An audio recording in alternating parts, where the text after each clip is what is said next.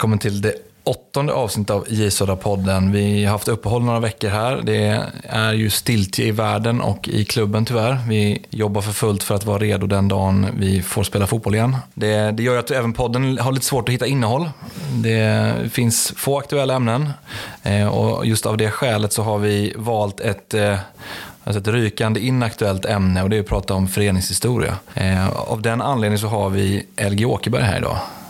Hej! Hej! Eh, jag tänkte att du skulle få börja med att presentera dig själv. Jag, jag, jag skrev att du var kanske den eh, levande människa som kan mest om Israels historia. Kan det, kan det stämma? Ja, det vet jag inte, men eh, naturligtvis så eh, finns det de fortfarande som vet och kan väldigt mycket om södra. Men det är klart, är man 76 år och någorlunda kom ihåg så ligger det mycket i det. För jag, är ju liksom, jag har ju levt i den här klubben sedan 1952. Då blev jag handbollsspelare i den här klubben sju och ett halvt år gammalt. Och enligt Geman på den tiden, den gamla ungdomsledaren, så var jag Sveriges yngste seriespelande handbollsspelare. Sen blev det fotboll från 1954. Så att visst, de åren har jag under kontroll. Ja, det är skönt. Jag, jag, är lite, jag blev lite eh, bekymrad här. Vi, vi, satt och pratade, vi har suttit och pratat innan vi började spela in och du, det, det sprutar ju ut eh, anekdoter och historier. Så jag är lite besviken att jag inte satte på micken tidigare. Eh, vi får se om vi kan få in lite roliga anekdoter även med inspelningen på. Men det tror jag nog vi ska lösa, eller? Eh, jag tänker så här, vi, vi, drar, vi, vi, ska ha en ambition att försöka spela in det här i ett svep. Jag, jag har aldrig lyckats med det innan, men nu har vi en radioprofil med oss. Du har jobbat 25 år i radio.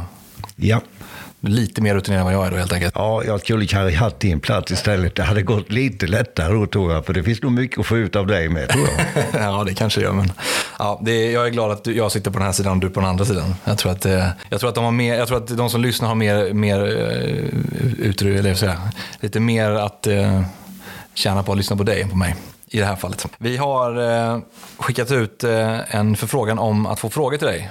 Du, är ju, du får ses som Jesus oraklet i det här fallet. Så jag tänker att vi hoppar direkt in på fråge, frågeställning. Jag har fått en hel del frågor på Twitter. Eh, och eh, jag tänker, det, det, finns ju en fråga som har varit aktuell i, i media de sista veckorna. Och det är ju frågan om föreningens, föreningarnas olika färger. Det har ju gått någon, någon, något rykte här om att Jesus har spelat i andra färger än grönt. Så Dennis Oskarsson skickar in en fråga om, om du kan reda ut frågan om vi har spelat i någon annan färg än grönt. Det enda som är dokumenterat om färgerna det är faktiskt att de körde i vitt till att börja med. Men när det blev etablerat grönt så var det svarta byxor till. Det är det enda som är dokumenterat. Sen vet man ju inte vad som hände på 20-talet exempelvis. Om det byttes färger från vitt till något annat. Men grönt och svart var det första dokumenterade i isöarna. Och man har inte spelat med något annat efter det? Nej, grönt har det alltid varit. Sen är det ju ombyteskläder naturligtvis när motståndarna har grönt på sin hemmaplan. Då har det ju varit både rött och gult och vitt och ja. Ja, du, vi pratade om det lite innan här också. Du, du fräste lite åt att vi har spelat i några gräsliga bortaställ. Ja, det finns ju förklaring det sa du. Ja, det gör, det gör ju det. Har du, har du något speciellt du tänker på? Som... Ja, det var något självlysande. De körde mig på Söderstadion någon gång. Jag trodde jag skulle bli förblindad när jag såg det. ja, det, det kommer faktiskt. Jag tror 2012, tror jag. Ja, det är möjligt. Ja, det var, det var på den tiden vi hade Nike. Då, det var ju ofta är det ju faktiskt eh, tillverk alltså direkttillverkarna som vill att mm. använda ett visst ställ. Och i det här fallet så var det ju det bortaställ som Barcelona använde. Det var vi tvungna att använda. Av det skälet så blev det, det blev någon neonorange. Typ. Ja. Men vi har ju rent historiskt haft eh, lustiga färger också som har påverkat både oss själva och inte minst motståndarna. Jag minns när vi skulle beställa nya tröjor i handbollen någon gång på 60-talet. Vi, skulle då ta en amerikansk tillverkare och ha sådana här, du vet, baseballsiffror på. Mm. Såna fy, alltså, ja. Och eh, det var ju då en uppsättning gröna och en uppsättning eh, gula. För vi hade, och även i handbollen hade vi sådana dräkter när vi kom till ett eh, gäng som hade gröna tröjor hemma. Och tröjorna kom och eh, det var ljusgröna tröjor. Eh, vi tyckte det var tjusigt. Eh, det passade väldigt bra med de där röda siffrorna på också. Men sen kom eh, ombytesstället. Det var inte gult, det var orange. Vi bara tittade och sa, men det ser ju rätt fränt ut det här. Så vi tog på oss de här tröjorna när vi skulle möta Tord i ett handbollsderby trots att vi hade hemmamatch. Så de, då, det var ju på den tiden, då var man inte uppe och värmde upp innan så man kunde se varandra. Utan då värmde man ju upp ner i källaren utan att se varandra. Och sen sprang man in för publik. Och Tord var ju uppe först naturligtvis, för de var ju bortalag då. Va? Sen kommer vi in i orange. Och jag minns eh, de här profilerna, Putte Kron och, och Lången Karlsson, de ställde sig och tittade och, och, och sa hur är klädda era idioter då? Vi vann matchen. Så det, är, det betyder mycket det här med kläder alltså. Ja, men det är känsligt. Det är, alltså, vi, vi sitter med det varje år och diskuterar vad man ska ha för bortaställ. Och min, min grundinställning är att man ska använda färger som finns i klubbmärket. Mm. Sen är det inte alltid det går. Det, det, det svåra nu för tiden är ju att vi får inte ha några färger som finns i motståndarnas eh, ställ. Så att möt, alltså, spelar vi vårt gröna, det funkar ju inte eh, mot, eh, ja, mot Gais funkar det inte så, såklart. Det funkar inte mot Västerås. Ljungskile. Ljungskile. Eh, problemet med Gais och Västerås är att de är vita respektive svarta. Mm. Och då kan vi inte ha vitt eller svart om vi ska ha två ställ. Så ska vi ha vitt eller svart borta ställ, då måste vi ha tre ställ. Och av det skälet så har vi i år gått tillbaka till att ha gult. Gult? Men gult med svarta byxor faktiskt. Mm. Jaha, ja då är ju svart tillbaks. Mm, och det man får tänka Dortmund. Det, Annars är ju gult och vitt det absolut snyggaste man kan ha. Gult och en grön matta. Ja, det kan jag hålla med om. Falkenberg har ju underbar dräkt alltså. Ja, det är inte så vanligt att ha vita shorts till gul, gul tröja. Det kan hålla med om att det är ganska snyggt faktiskt.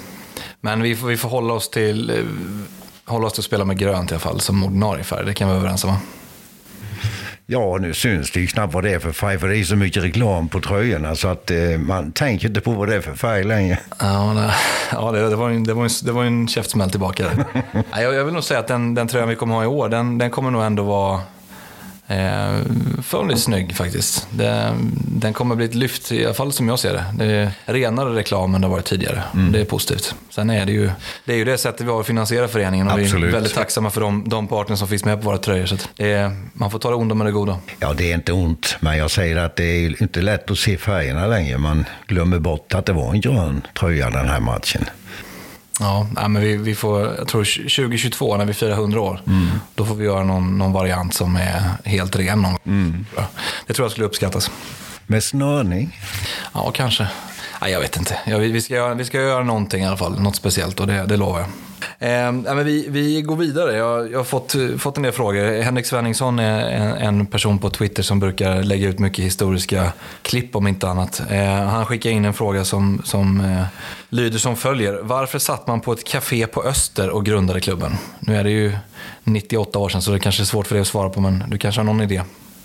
Ja, det är alltså Normalt sett så skulle det ju varit någonstans eh, på, eh, i södra stadsdelen. Och eh, det fanns ju eh, fik också på Söder. Och där samlades man ju den allra första gången när man planerade att skapa i Södra.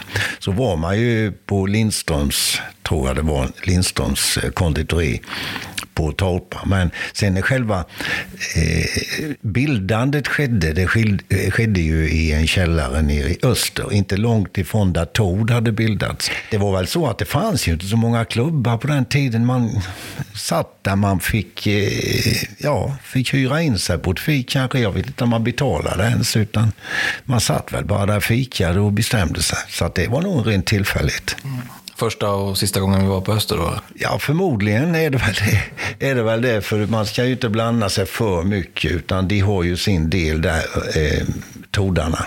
Ja, vi låter, vi låter tordarna ha Öster tror jag. De är ju hundra år redan. Ja, ja det, och det uppmärksammade vi. vi var, det, det måste man göra. Det, det, det, är viktigt att ha bra relationer även med, även med de klubbarna som man har rivalitet med.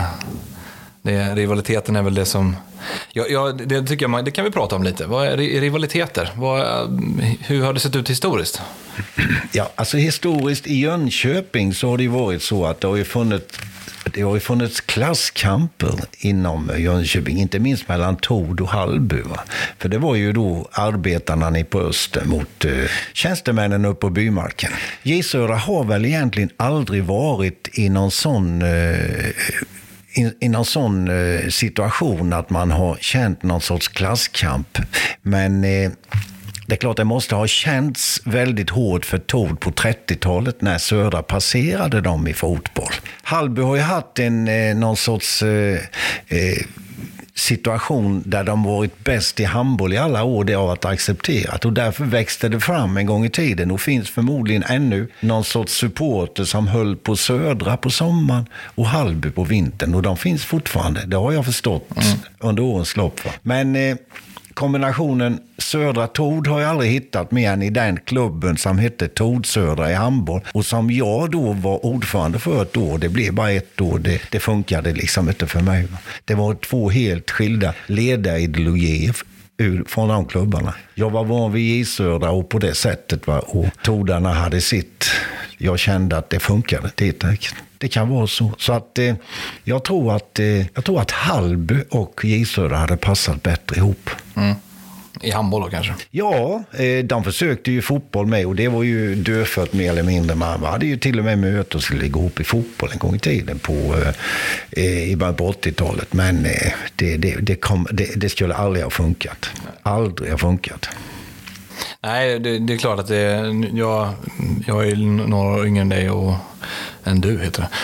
Ja, du vet, rivalitet, det, det är ju så här att man snackar ju mycket om HV71. Det gick ju att göra en klubb av det. Va? Men det, då ska man ha fullständigt klart för sig. Och det hoppas jag alla eventuella lyssnare nu va, har klart för sig att, att HV71 bildades, det var en ren ekonomisk sak. Därför de klubbarna som lirade hockey på den tiden, inte minst Mariebo och Vätterstad och, och vad de hette, Reif och allting, de hade helt enkelt inte råd längre en klubba som gick sönder var ju en stor grej, du vet, en kostnad. Va? Så hade inte de gått ihop i HV71 så hade vi inte haft någon hockey. Och det kan man inte säga att detsamma gäller fotboll. Va? För att på fotbollssidan är det en hel, e-, e-, ett helt annan ledartradition i klubbarna. Titta på Huskvarna exempelvis, H Södra och HIF. Det var ju ingen i HIF som ville vara med i HFF ihop med H Södra. Och ingen i H Södra som ville vara med i HFF ihop med HIF-are.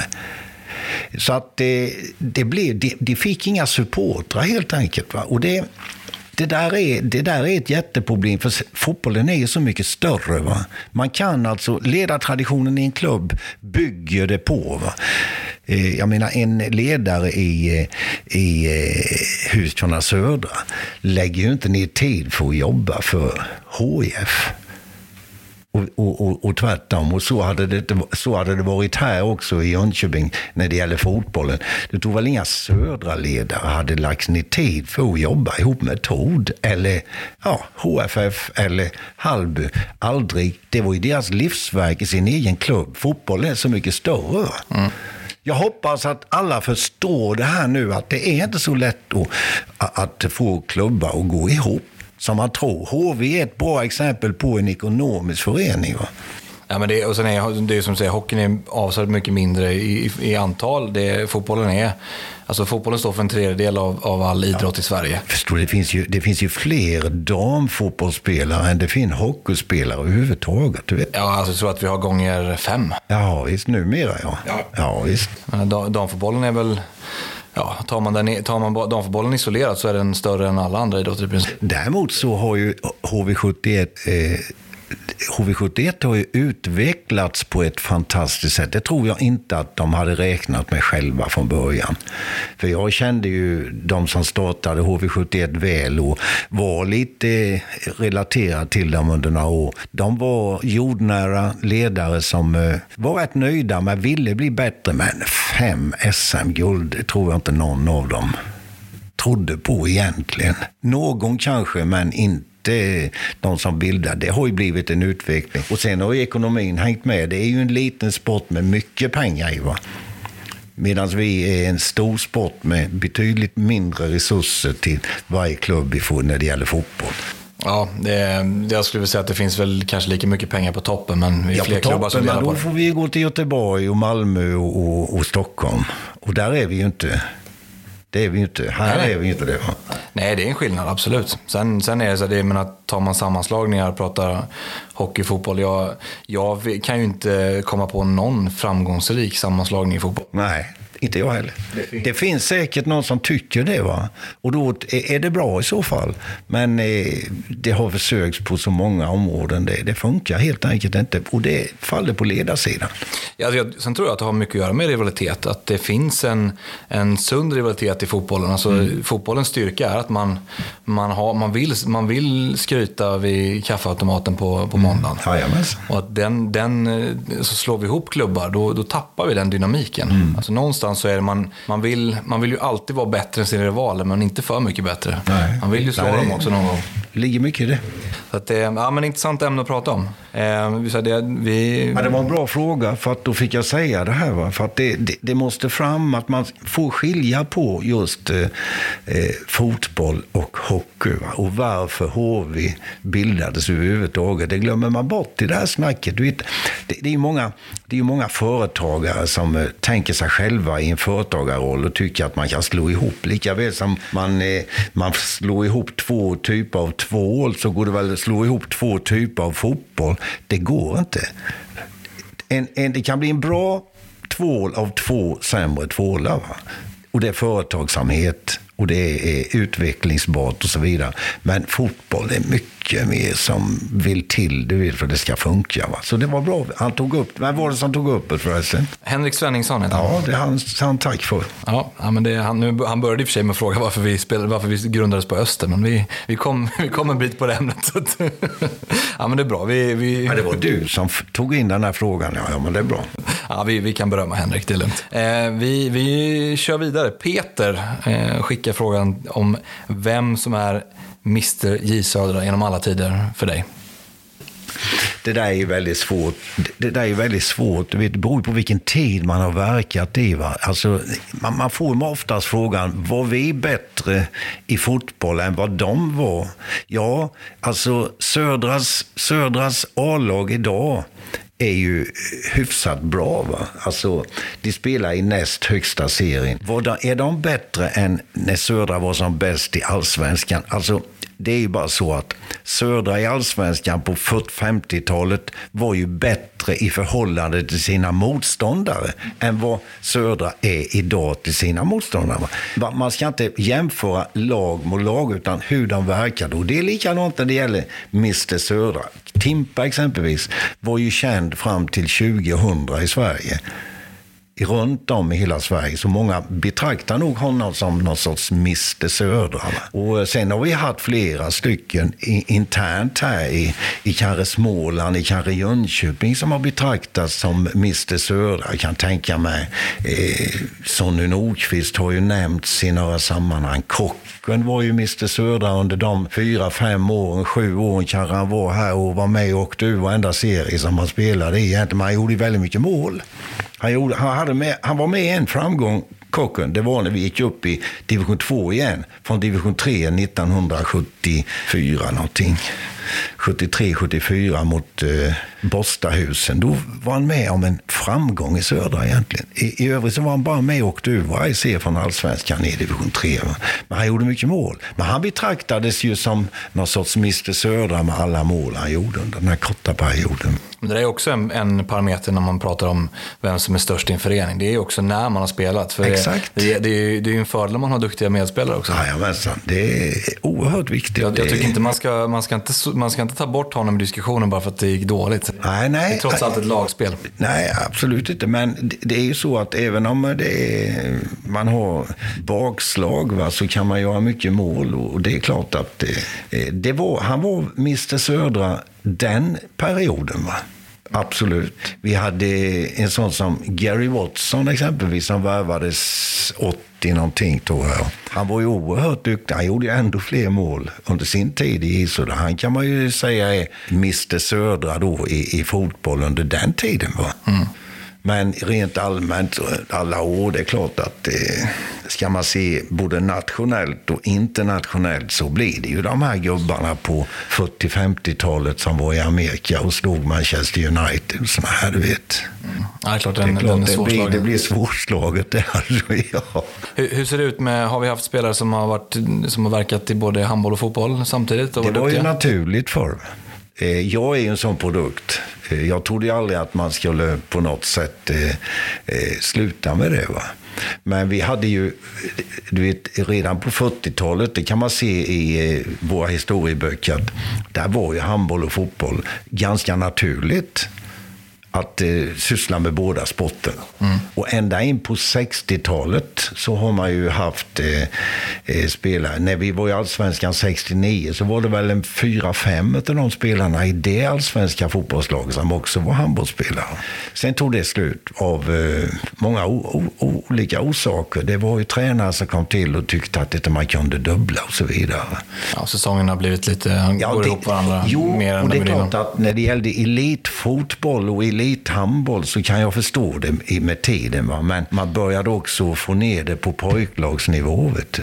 Så att de skulle inte få spela både och som pojklagsspelare. Och det där tyckte jag var åt helsike fullständigt. För unga människor måste pröva pröva sig fram, du vet, och känna där, sig Där har trenden vänt lite. Där är man ju men det hoppas man ju ja, på. Nej, det... Ja, det är bra. Det, det är jättebra. Och det, och det, är ju klubben, det är ju klubben som avgör det. Va? Det är ungdomsakademin som avgör det. Man måste se helheten för den enstaka spelaren. Va? Oavsett det gäller tjejer eller killar. Va? Nej, men det har ju forskningen är tydlig också. Exakt. Man, man mår bra av Den har blivit det, ja. Men det var den inte då. Vet. Nej, men, det, men ibland så kan man ju, man får ju gå tillbaka. Alltså det, man gjorde ju rätt från början. Ja. Man ändrat på det här. Men, men jag tror absolut, upp till en viss ålder så ska man, ska man försöka hålla på med så mycket som möjligt. Så länge man tycker det är kul. Ja. Det, sen är det vissa, vissa killar och tjejer som bara vill hålla på med en idrott. Låt dem göra det. Ja, visst. Men, men mångsidig träning är ju aldrig fel. Nej, och i, där hade man ju fördel eftersom jag var, jag var ju utbildad tränare både i fotboll och handboll. Så att jag kan ju se vad man kunde ha nytta av. Den ena sporten kunde ha nytta av den andra. Va? Mm. I många träningsmoment, sättet att fungera inför matcher, efter matcher och lite det var. Så att eh, jag är förvånad att man bröt, bröt den möjligheten. Va? Eh, träningsmässigt är det ju en omöjlighet att hålla på med båda sporterna elitmässigt. Men eh, för ungdomar är det ju nästan nödvändigt tror jag, att göra det. Ja, nej men jag håller med. Det, det, är, det är, bra man tar, det är bra att man går, går bakåt i utvecklingen på sig ibland. Det är, det är ju inte det, men att man eh, man lär sig av sina misstag. För jag tror att eh, tidig specialisering, det, det är vi inte bekänt av. Nej, och, men, det men du ska veta för 40 år hade man den uppfattningen att absolut skulle vara specialisering. En som satt, eh, vi hade ju en kille då som, eh, inte klubbchef var han väl inte, men kanslist på den tiden som hette Ove Lago. Och han var helt övertygad om att driva den, att det skulle vara specialisering. Och det är vi då som eh, kom in, jag kom in i styrelsen vid det tillfället i Isöla då, tillbaks i Isöla. Och jag, jag förstod liksom inte vad, vad menar de alltså? Det här kan ju aldrig bli bra i längden. Eh, men det, det var det nya och då, då ska du veta att på den tiden då kom ju de här så kallade klubbkaptenerna ut på marknaden.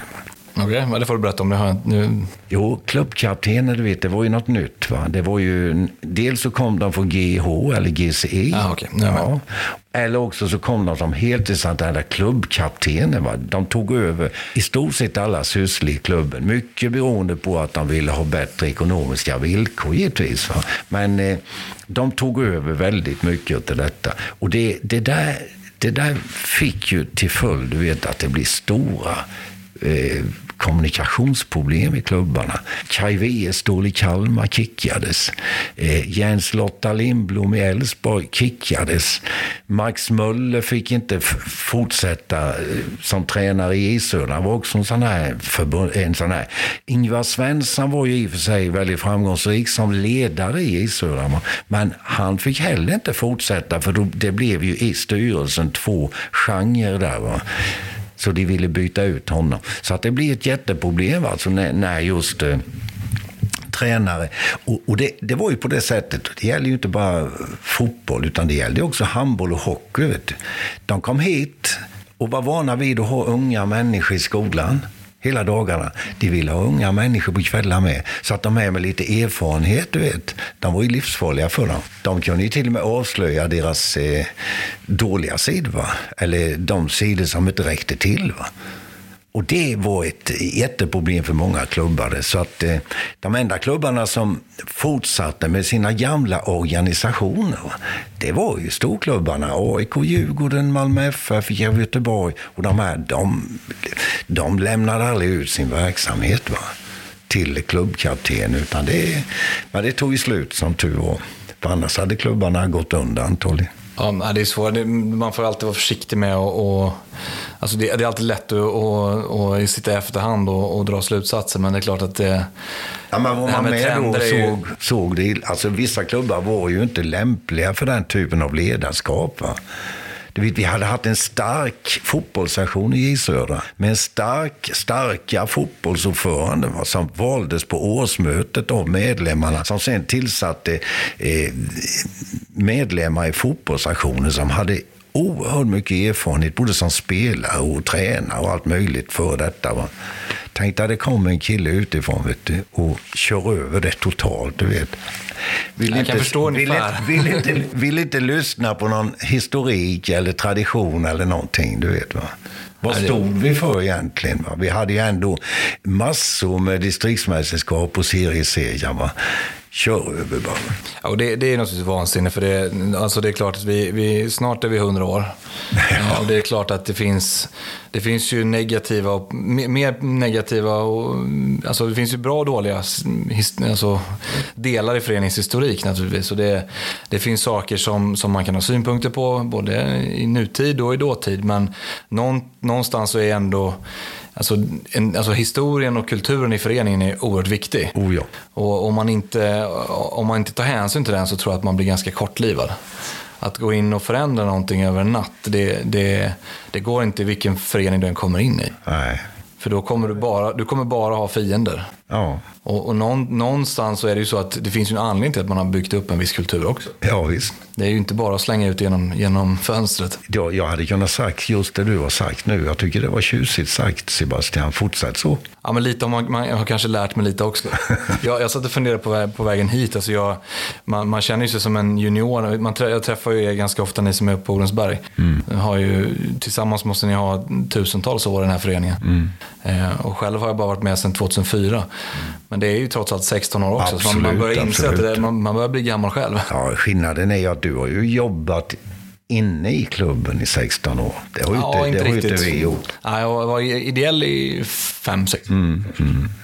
Sen har jag jobbat i tio år. Men... Eh, det har ju inte vi gjort, men däremot så det sitter naturligtvis i Odensbergsgruppen. Där finns ju oerhört mycket erfarenhet, va? både om fotbollsspelare och fotbollstränare. Eh, nu, nu, nu gick ju Janne Karlsson bort förra, förra året. Va? Och, eh, vi hade landslagstränare i den gruppen också. Mm.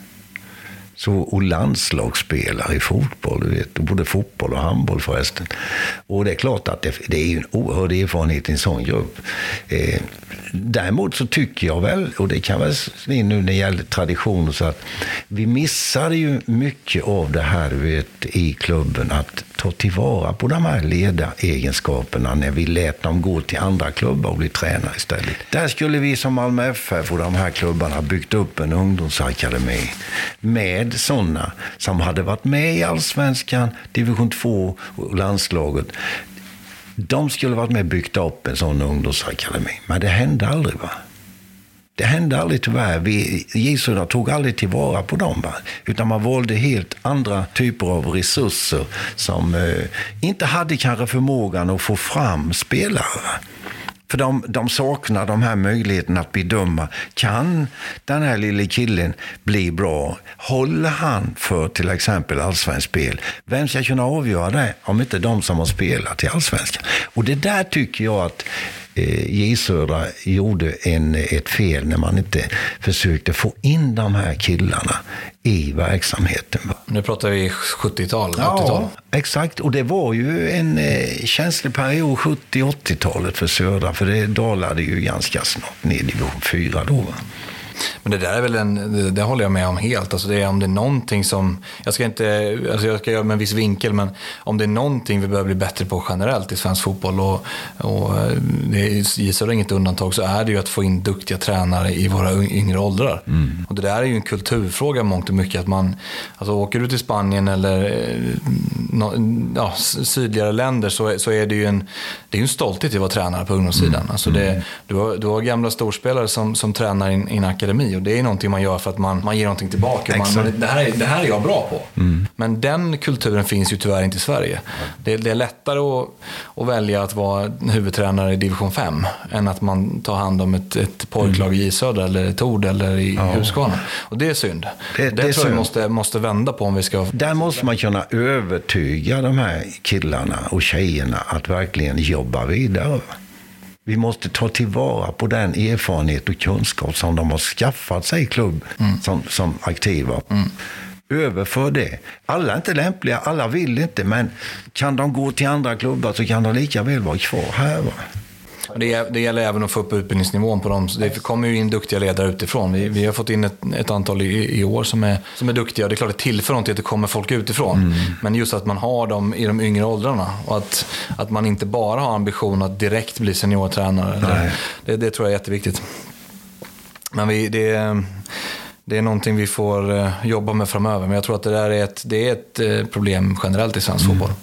Det, jag har väl sett undantagen i och för sig. Jag är uppväxt i Stockholm som, som de flesta hör och vet kanske. Eh, Brommapojkarna har ju en större tradition. Exempelvis att, vara, att man följer ett lag från kanske mm. 10-årsåldern och, och upp till man är junior. Men, men då är det ju då är det ju en selektering först och sen så tar man de bästa och det, det, det, kan man ju ha vissa synpunkter på. Men det finns ändå en tradition att man, man har ungdomstränare som, som vandrar igenom de här stegen Absolut. under ganska många perioder. Jag har en gammal fritidsledare som heter Peter Kisvalodi. Som var, han var sportchef i AIK en sväng. Mm. Eh, han har varit i, jag tror han har varit i BP i 40 år och haft ungdomslag. Det är klart, den erfarenheten han besitter, den, den går ju inte, ja, och den går sen inte att köpa. är ju BP kända för att ha en fantastisk ungdomsverksamhet.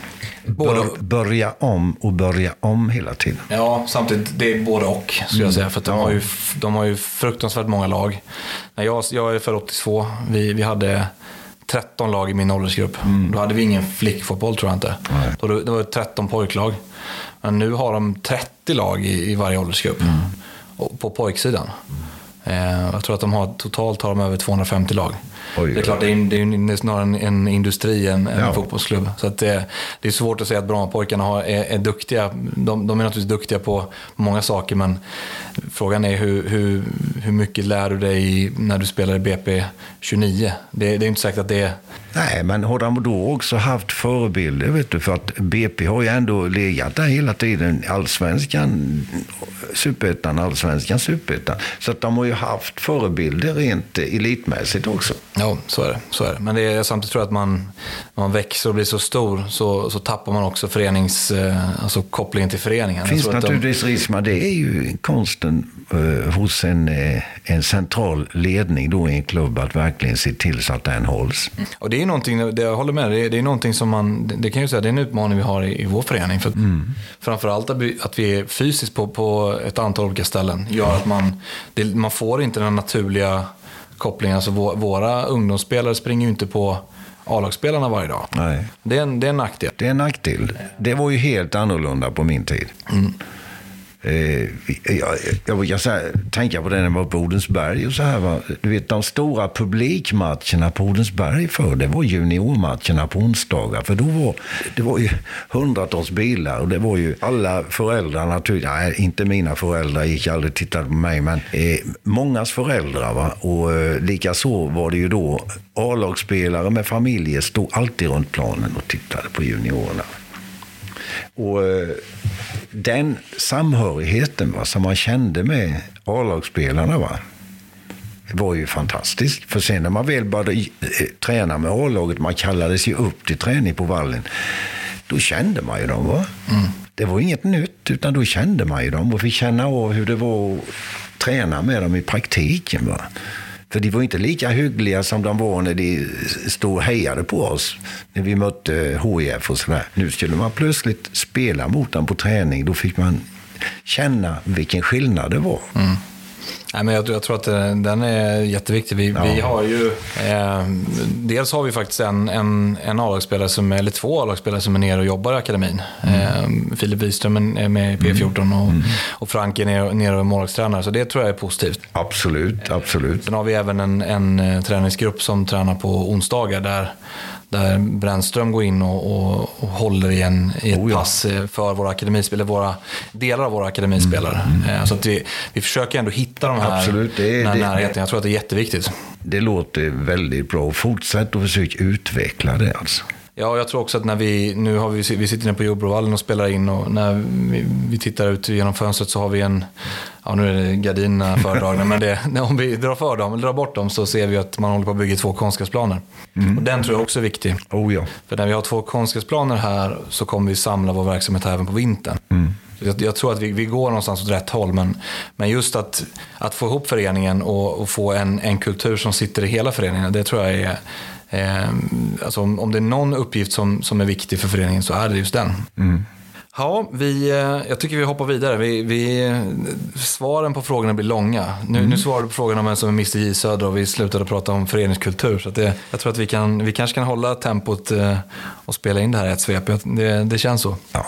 Eh, jag, jag, tror att jag hoppar över en fråga. Jag har fått några frågor från, från, från Peter här.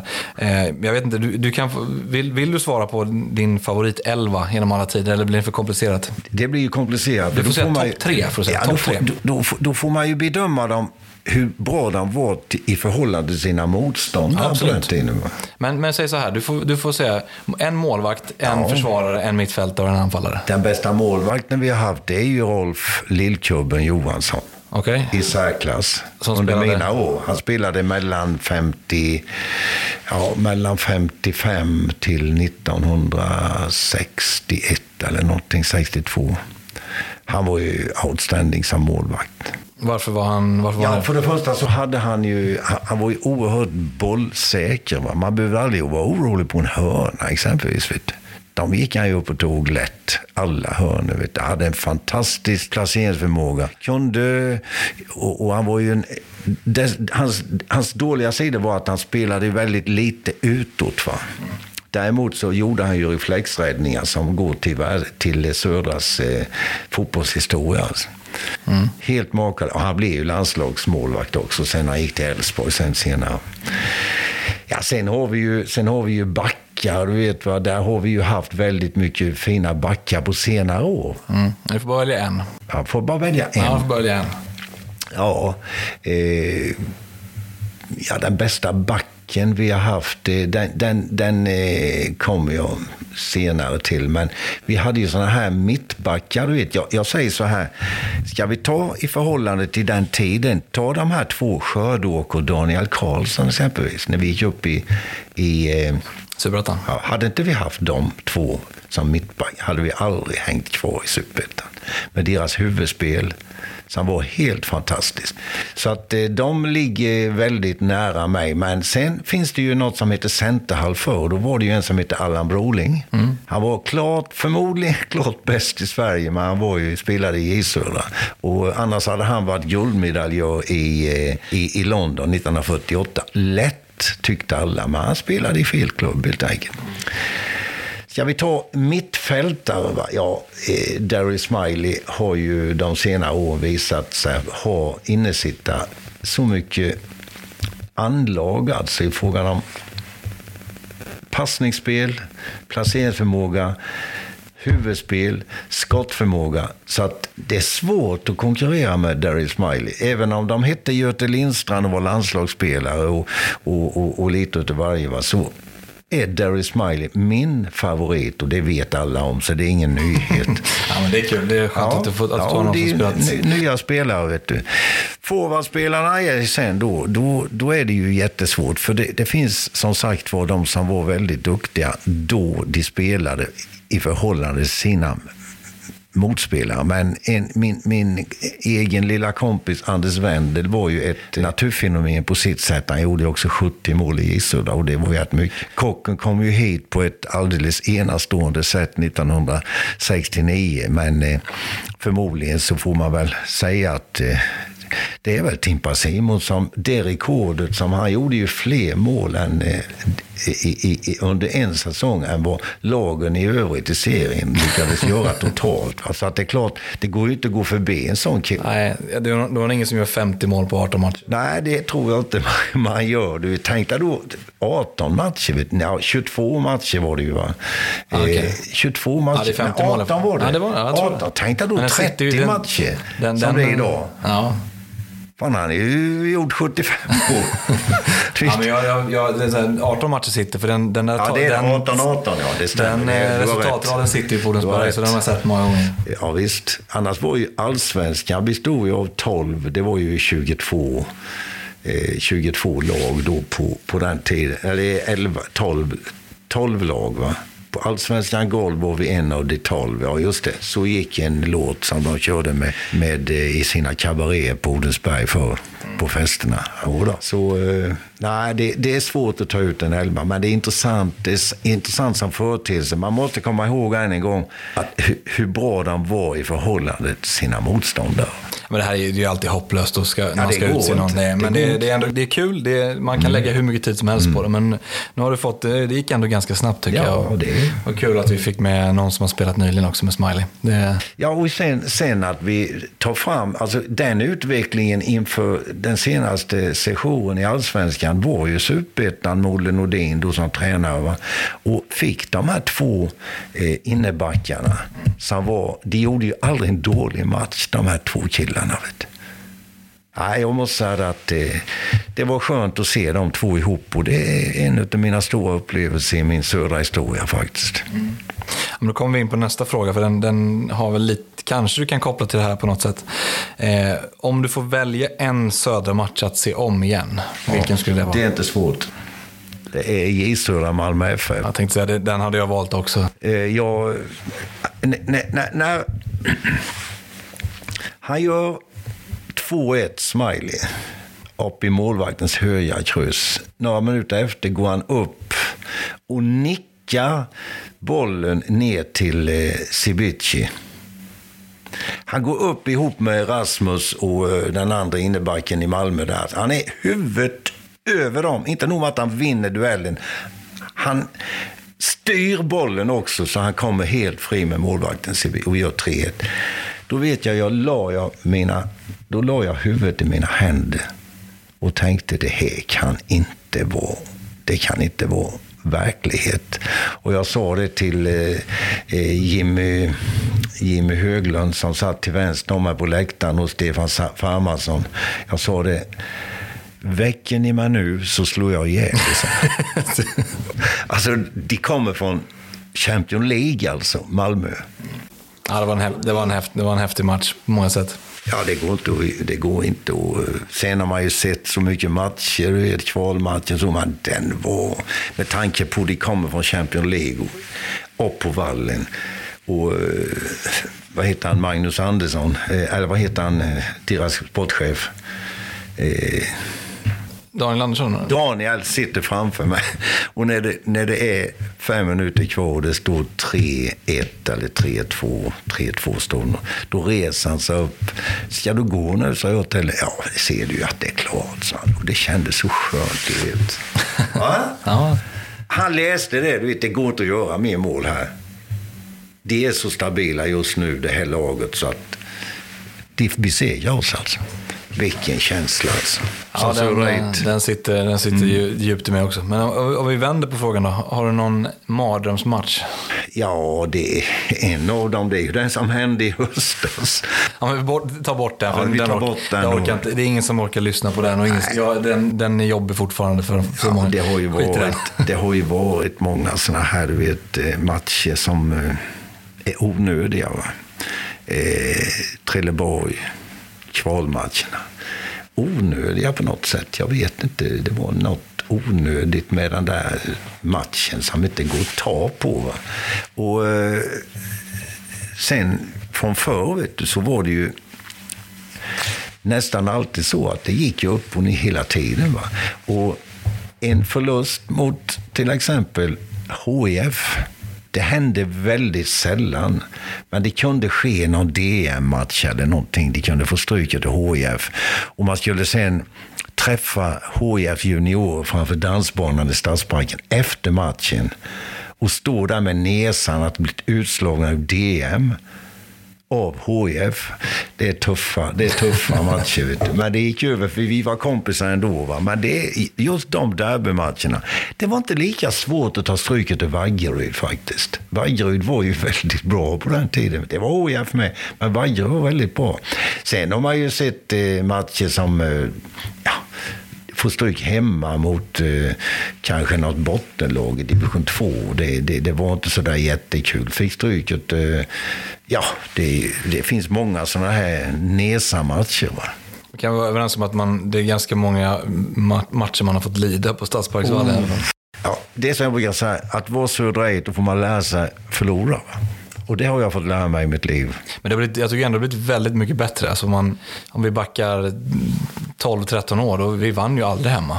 Nu är vi ju ganska bra på, på Stadsparksvallen. Ja, ja. De sista åren har vi varit i alla fall.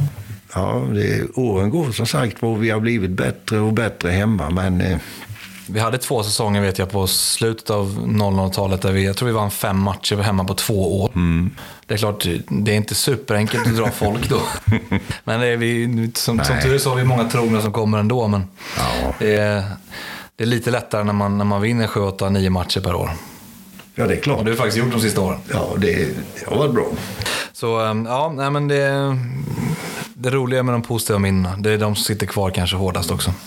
Eh, jag har faktiskt bara en fråga kvar, men den, den kan, bli, den, den, kan vi nog säkert eh, koppla vidare på lite andra frågor. Det, det, det handlar om, om jubileumsboken. Mm. Eh, jag tänker vi kan väl börja med att, att prata lite om, om jubileumsboken. Eh, för du tillsammans med, och du får berätta lite själv. Men... Ja, det är ju Leif Gustafsson som är klubbmästare i klubben. Minuten för, Minuten, ja. för de som inte vet. Han är med i detta och eh, så är Uno Karlsson med. Det är ju ett av scenerna i CCJ, reklambyrån som ligger i Huskvarna. Han, är, han jobbar inte där längre, men han är ju en väldigt duktig layoutare. Va? Och, eh, han vet ju hur en sida ska se ut. Ni ska göra en jubileumsbok. Vi ska göra den ihop tillsammans. 100-årsjubileet 2022. Ja, Så det, det, ska bli intressant. Vi har ju, vi har ju jobbat... Eh, just nu är vi inne i ett bildskede. Va? Vi försöker hitta bilder som inte har publicerats i andra jubileumsskrift innan. Och det är ett jättejobb, men roligt jobb. Va? För där, där ser man ju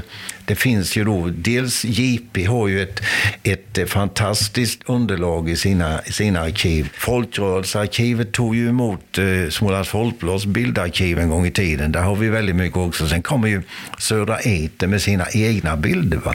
Eh, jag tänker på de här legendariska lirarna Kalle Låda och Fred Andersson. De har ju hur mycket bilder som helst från sin tid som inte är publicerade. Så det finns ju väldigt mycket att titta på. Va? Och i och med att vi gör detta så kommer vi i kontakt med de där familjerna igen. Alltså.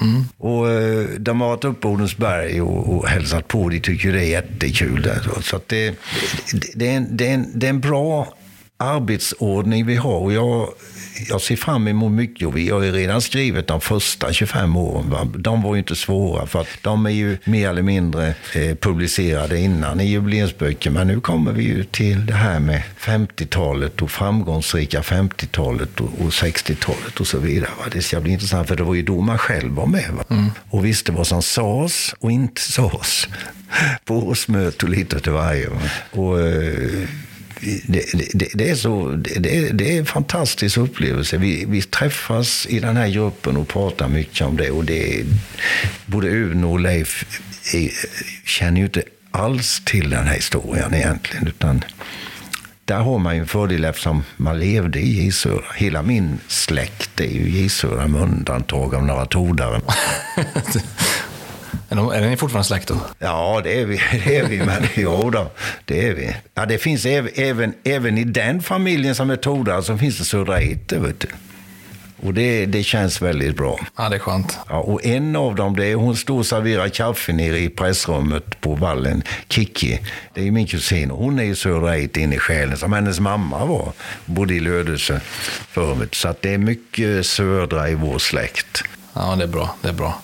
Vad, Men hur, alltså det, den här, en sån här hundraårsskrift är ju naturligtvis jätteviktig som, ja, som en markör på ett sätt, men, men också som ett historiskt dokument. För Mm. ambitionen är ju naturligtvis att vi ska bli minst 300 år, eller vad tror du? Ja. Föreningen skulle leva vidare. Det var, det var, en, det får säga, det var en retorisk fråga. Ja. Eh, Men, Ja, men den är ju, alltså vad är, hur, hur, vill, hur vill ni att slutresultatet ska bli? Vad är liksom ambitionen med, med En skriften? annorlunda jubileumsbok vill vi, vill vi göra. Va? Där vi ska försöka få fram lite episoder också. Va? Lite kul episoder som är värda att eh, skriva ner. Va? Och det där sitter vi och resonerar om. Det finns ju hur mycket anekdoter som helst. Va? Men frågan är vilka som är lämpliga att eh, skriva ner. Va? Ja, det, är- det, är- är de barnförbjudna eller att de... Ja, barnförbjudna. Vi kan ta ett exempel. Vi säger inga namn. Va? Det, det är hur enkelt som helst. Vi hade en, vi hade en högerback i Isöra som ådrog sig en tredje varning våren 1950. Det var ju höstvår då. Eh, han ådrog sig sin tredje varning och blev avstängd resten av säsongen. Samtidigt... Resten av säsongen? Ja, visst. Och det var ju några matcher kvar då, va, på våren. Och på sommaren skulle de ju till Amerika, södra. Då var de tvungna att ersätta den här killen för att Svenska fotbollförbundet som var med och finansierade en sån här grej för ettan och tvåan, han kom ju tvåa i allsvenskan det året. Va? Då, då skickade ju Malmö FF som vann, de åkte till Sydamerika och eh, Södra fick åka till Amerika. Egentligen var det första priset var Amerika och andra priset Sydamerika. Men Malmö FF hade vunnit året innan också, då hade han varit i Amerika. Men nu skulle de ersätta den här killen eh, i truppen. Va? Och då gick det till en annan kille som spelade högerback i det allsvenska reservlaget.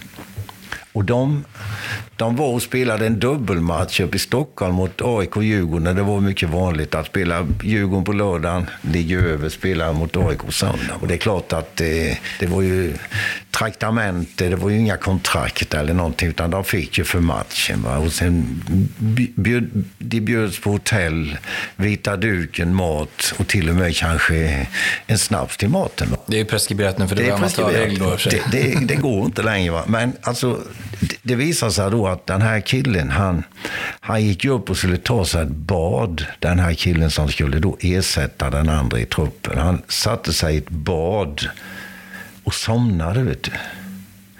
Och vattnet rann, rann på, du vet. Va? Och så kommer det telegram till hotellet som säger att ja, säg inte namnet, men han ska med till Amerika nästa vecka. Mm. Han måste veta det redan idag. Och då går du in på hans hotellrum, då är det låst in till badrummet. Vet du. Och vattnet rinner under. Och de slår upp dörren, då sitter han där, vet du. Eh, har somnat, du vet. Va? Kanske lite berusad.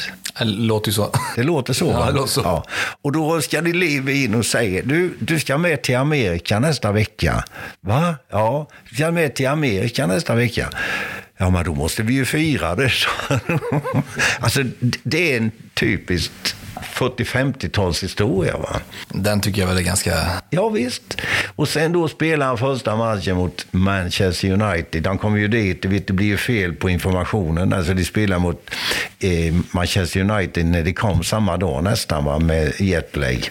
Och fick stryk kraftigt, 4-0 eller någonting. Den matchen spelades om sen dagen efter. Och då spelade han högerback, men det gick inte så bra. va. Så att det, det finns ju då en anekdot om att spiken på Yankee Stadium, alltså samma stadion som Ingmar Johansson slog ut Claude Patterson första gången. Spiken ropade Number two, Backstrom out. Nu fick vi med namnet också. Ja. Ja, men det, det är sådana där historier vissa jag gärna skulle vilja hålla på med. Va? Och se hur man kan omskriva dem och så vidare. För det är tillhör Södras historia på något sätt. Va? Det tillhör Södras historia. Absolut. Det finns många sådana sköna stories alltså. Jag, jag älskar ju sådana här, men det, man kanske inte... Jag, jag kanske är ensam, men jag, jag, tror, jag tror att det kan vara sånt som tilltalar en hel del faktiskt. Absolut. Ja, men så är det Sånt ju. här är superspännande att lyssna på. Ja. Det är klart, berättar man inte dem nu så, Ja, då, så då försvinner de. ut. Ja. när, när jag inte finns med längre så är det ingen som kommer ihåg sånt där. Va? Nej, men då ska de, då ska de dokumenteras. Ja, jag tycker det med. Och vi pratar mycket om det och vi, vi i gruppen tycker det ska bli jättespännande alltså att försöka publicera sånt här. Va? Och det är mycket, alltså... Ta en sån, jag var inne på det förut, då, med de här tränarna som var på 70-talet. Du vet, det var ju problem med... Styrelsen var delad i två, vilket inte är ovanligt, det är så i varje klubb. Var delad i två läger. Va? Ska vi behålla en tränare A eller ska vi kö, äh, skaffa en ny? Hälften ville behålla tränaren, hälften ville ha en ny. De som ville ha en ny vann, skaffade en ny. Och det gick åt helsike. De fortsatte motarbeta varandra i styrelsearbetet under hela nästa år. Och killen fick inget förnyat förtroende utan blev uppsagd efter första säsongen. Va? Sånt där, du vet, måste med också. Va? Alltså, det kommer man inte ifrån. Sånt måste med i en historia. Jag tänker på, jag tänker på Erik Bengtsson som skrev om Degerfors historia fram till 1956. Jag läste den. Eh, han tar ju med sånt. Va? Han tar ju med vilka spelare som eh, drack alkohol. Han tar med allt. va. Och det, det är spännande läsning på något sätt. Hur det påverkar laget, hur det påverkar framgångar, hur det påverkar landslagsspel, hur det påverkar tränare, hur starka tränarna var och så vidare. Det är sånt som måste fram, du vet, någon gång, tycker jag. Ja, men ja, det, det ska ju inte vara hundra år av framgång, för det, det, Nej, finns ju ingen förening som har haft. Utan Nej. det är klart du måste ha med de, de negativa delarna också. Sen får man naturligtvis väga vad, det kanske finns saker Absolut. som, är, som inte, som inte bör med. alltså, det är då det blir spännande att läsa en hundraårig historia om att ta med de här. Ja, jag, ser, jag ser fram emot att få läsa den när den är klar. Men jag kommer in på frågan här, för den, den eh, knyter ihop säcken. Eh, Peter undrar vilket kapitel du inte tänker skriva i kommande jubileumsbok. Inte. Är det Något som, är, som inte får med. Nej, det, det vet jag. Det, det kan jag inte svara på för att jag ser inte utan att man kan egentligen ha med vad som helst. Det, jag ser inte något som absolut inte ska vara med. Det ser jag inte. Vi har ju haft det. Vi har ju haft svåra tider. Nu har vi svåra tider i Södra ekonomiskt och så vidare. Vi har haft svåra tider tidigare där, där, där styrelsemedlemmar har fått eh, hoppa in och, och, och helt enkelt betala själva och så vidare. Vi har, vi har haft, och, och, men det måste ju liksom med och veta, annars hade ju inte klubben funnits. Och sånt där. Men visst finns det. Nej, jag har väl egentligen ingen, ingen direkt tid att, att hålla utanför på något sätt. Det är, det är, egentligen är ju Södra en ganska blygsam klubb. Det har inte varit så mycket sensationer i Södra egentligen under årens lopp. Nej, det har det faktiskt inte varit. Eh, vi har skött oss ganska bra när det gäller det där. Och... Eh, Nej, jag, jag har inga, där har jag inga restriktioner med mig själv faktiskt. Allt kan vara med det man känner för. Det finns inget jag skulle ställa utanför på något sätt medvetet. Nej. Ja, men det låter bra. Jag, har sagt, jag ser fram emot att få läsa boken. Den, eh, ja, jag får väl hålla mig till tåls i ett och ett halvt, två Ja. år ungefär. Men Ja. det, den, eh, det ska bli spännande att läsa den. Nu, nu har vi faktiskt nu har vi kört ganska exakt en timme utan att, utan att klippa här. Det får, vi får väl eh, i efterhand se om det blev bra eller dåligt. Men jag tror nog att vi... Kör du det här, det är inga problem. tror jag inte. känner det med. Jag, Alltså, det jag, är jag, har precis... inte, jag har inte pratat så mycket. Det är du som har stått för innehållet Jo, idag. men du har sagt kloka saker Sebastian. Du har sagt kloka saker. Det, det var i alla fall väldigt kul att få prata lite historia. Det är, jag, jag har lärt mig mycket eh, och jag tror att många andra har lärt sig väldigt mycket. Jag vet att det är många som är intresserade av att, att, att få lära sig mer. Och det, det, det kanske man får göra någon sån här nedslag lite då och då och prata om, prata om eh, vad som har hänt bakåt i tiden. Vi kanske kan göra det igen när, eh, när boken släppt. Det kan vara läge kanske. Så du får, du får komma tillbaka om, säg om två år så, så kör vi nästa, nästa historiska tillbakablick. Men jag tror att vi, vi nöjer oss där. En, en timme är bra jobbat ändå. Eh, åttonde avsnittet har vi avverkat. Jag har en ambition att sätta mig med eh, någon av våra akademitränare nästa gång. Vi får, får, se lite när det blir av i tid. Det är, det är lite svårt att planera just nu. Vi, vi, hoppas ju att vi har en fotbollssäsong som, som startar inom kanske tre veckor. Det är fortfarande lite oklart. Vi väntar på besked från Folkhälsomyndigheten i veckan. Men lite beroende på vad som händer så, så får vi se när, när vi spelar in nästa avsnitt. Men... Det trodde jag du skulle ställa en fråga på. Vad, vad anser vi om det som händer nu? Ja, det kan du gärna få svara på. Ja, jag, för min del är det glasklart alltså. Att man skyller på att sportbarerna är en fara i dessa tider. Så, så kan man ju, då, då tycker jag de ska göra upp det i Stockholm med restaurangägarna istället för fotbollsklubbarna. Alltså, om vi Södra och alla superettaklubbar och allsvenska är beroende av Dplay-pengar nu. Va? De är lovade ett visst antal miljoner, men spelas inga matcher så kommer det inte ut pengar. Och Dplay kan ju inte sälja annonser eller någonting. Det är ju viktigt att det sänds i tv nu. Va? Att inte folk kommer på matcherna är en sak, men i tv måste det sändas. Sen tycker jag att det ska inte vara Södra eller Hammarby eller Djurgårdens skyldighet att se till så att sportbarerna är begränsade med folk. Nej, alltså där har vi ju redan ett regelverk. Jag menar det.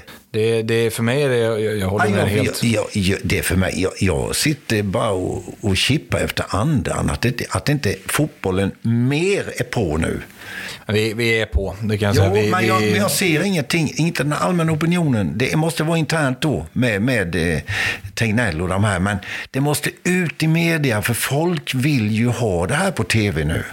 Nu, nu är vi lovade ett besked i veckan. Ja. Det är väl därför det har dött lite de sista dagarna. Men opinionsbildningen har ju varit, skulle jag ändå säga, ganska stark. Sen, sen eh, det jobbas rätt mycket bakom kulisserna. Det jobbas framförallt mot, mot eh, de som styr det här landet. Väldigt lite i media. Ja, det, det kan vara det så. Det är märkligt tycker jag. Men vi, vi, sagt, vi lovade ett besked i veckan och jag, nu, det här risk, med risk att, att jag får äta upp det så, har, så är ju känslan ändå att den känns positiv för en gångs skull. Eh, vi hade för, för två veckor sedan så var jag väldigt skeptisk mm. till om vi skulle kunna komma igång. Men känslan nu är att vi nog faktiskt får köra igång. Vi får hoppas. Och, uh... vi, vi måste igång, så är det. Alltså kommer vi inte igång nu, då är risken att väldigt många föreningar går under.